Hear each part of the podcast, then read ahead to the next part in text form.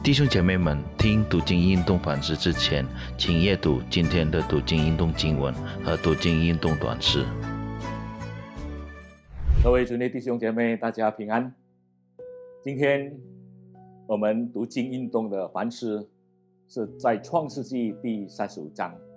我们还没有思想上帝话语之前，我们先再一次的低头祷告，感谢爱我们的主，因为你爱我们。你带领保守我们度过了以往的日子，我们更感谢主，你赐给我们一切所需要的，你的恩典够我们用，因为你的爱永远长存。我们把以下时间交托，祷告奉主耶稣基督的名求，阿门。创世纪第三十五章第二的下半节，这里告诉我们，你们要除掉你们中间的外邦神。也要自觉更换一裳。人人类的心呢，有很多偶像，这偶像不一定是一个木偶，也许我们的偶像是我们的财物、地位、名利等等。但是呢，上帝的心意是要我们相信他的人完全的敬畏他、投靠他。我们看到创世纪第三十五章，我们看雅各的家有了一个很复兴的一个运动。也许圣经中第一次有关灵性复兴的一个记录，怎么样的复兴呢？我们一起来看第一章第一节那边告诉我们，上帝对雅各说：“复兴是靠上帝的话语，上帝对人讲话是他的心意来的，也是他的心愿。上帝要我们完全听他的话语。”按照他的话语而行。今天，也许我们太多听人的话，很多的诱惑，魔鬼也要我们的耳朵转向他来听他的话语。人类第一个犯罪呢，就是因为他忘记上帝的话语，而随从了魔鬼的话语。求上帝再次的复兴我们的信心，让我们靠着他的话语来度过我们的日子。第二方面，复兴中呢，必须除掉一切不喜悦上帝的事，就是在第二节了，你们要除掉你们中间的外邦神。上帝不要我们一方面侍奉他，也一方面侍奉别神。我们要除掉我们心中一切的偶像，因为这些偶像会影响我们对上帝的信心。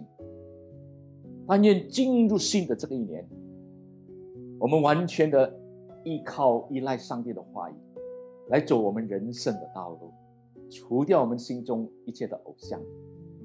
第三方面呢，第一下半节这里告诉我们，上帝告诉雅各起来，上伯特利去，住在那里，要在那里筑了一座坛给上帝。我们学习什么呢？第三方面呢，复兴呢？必须有行动的。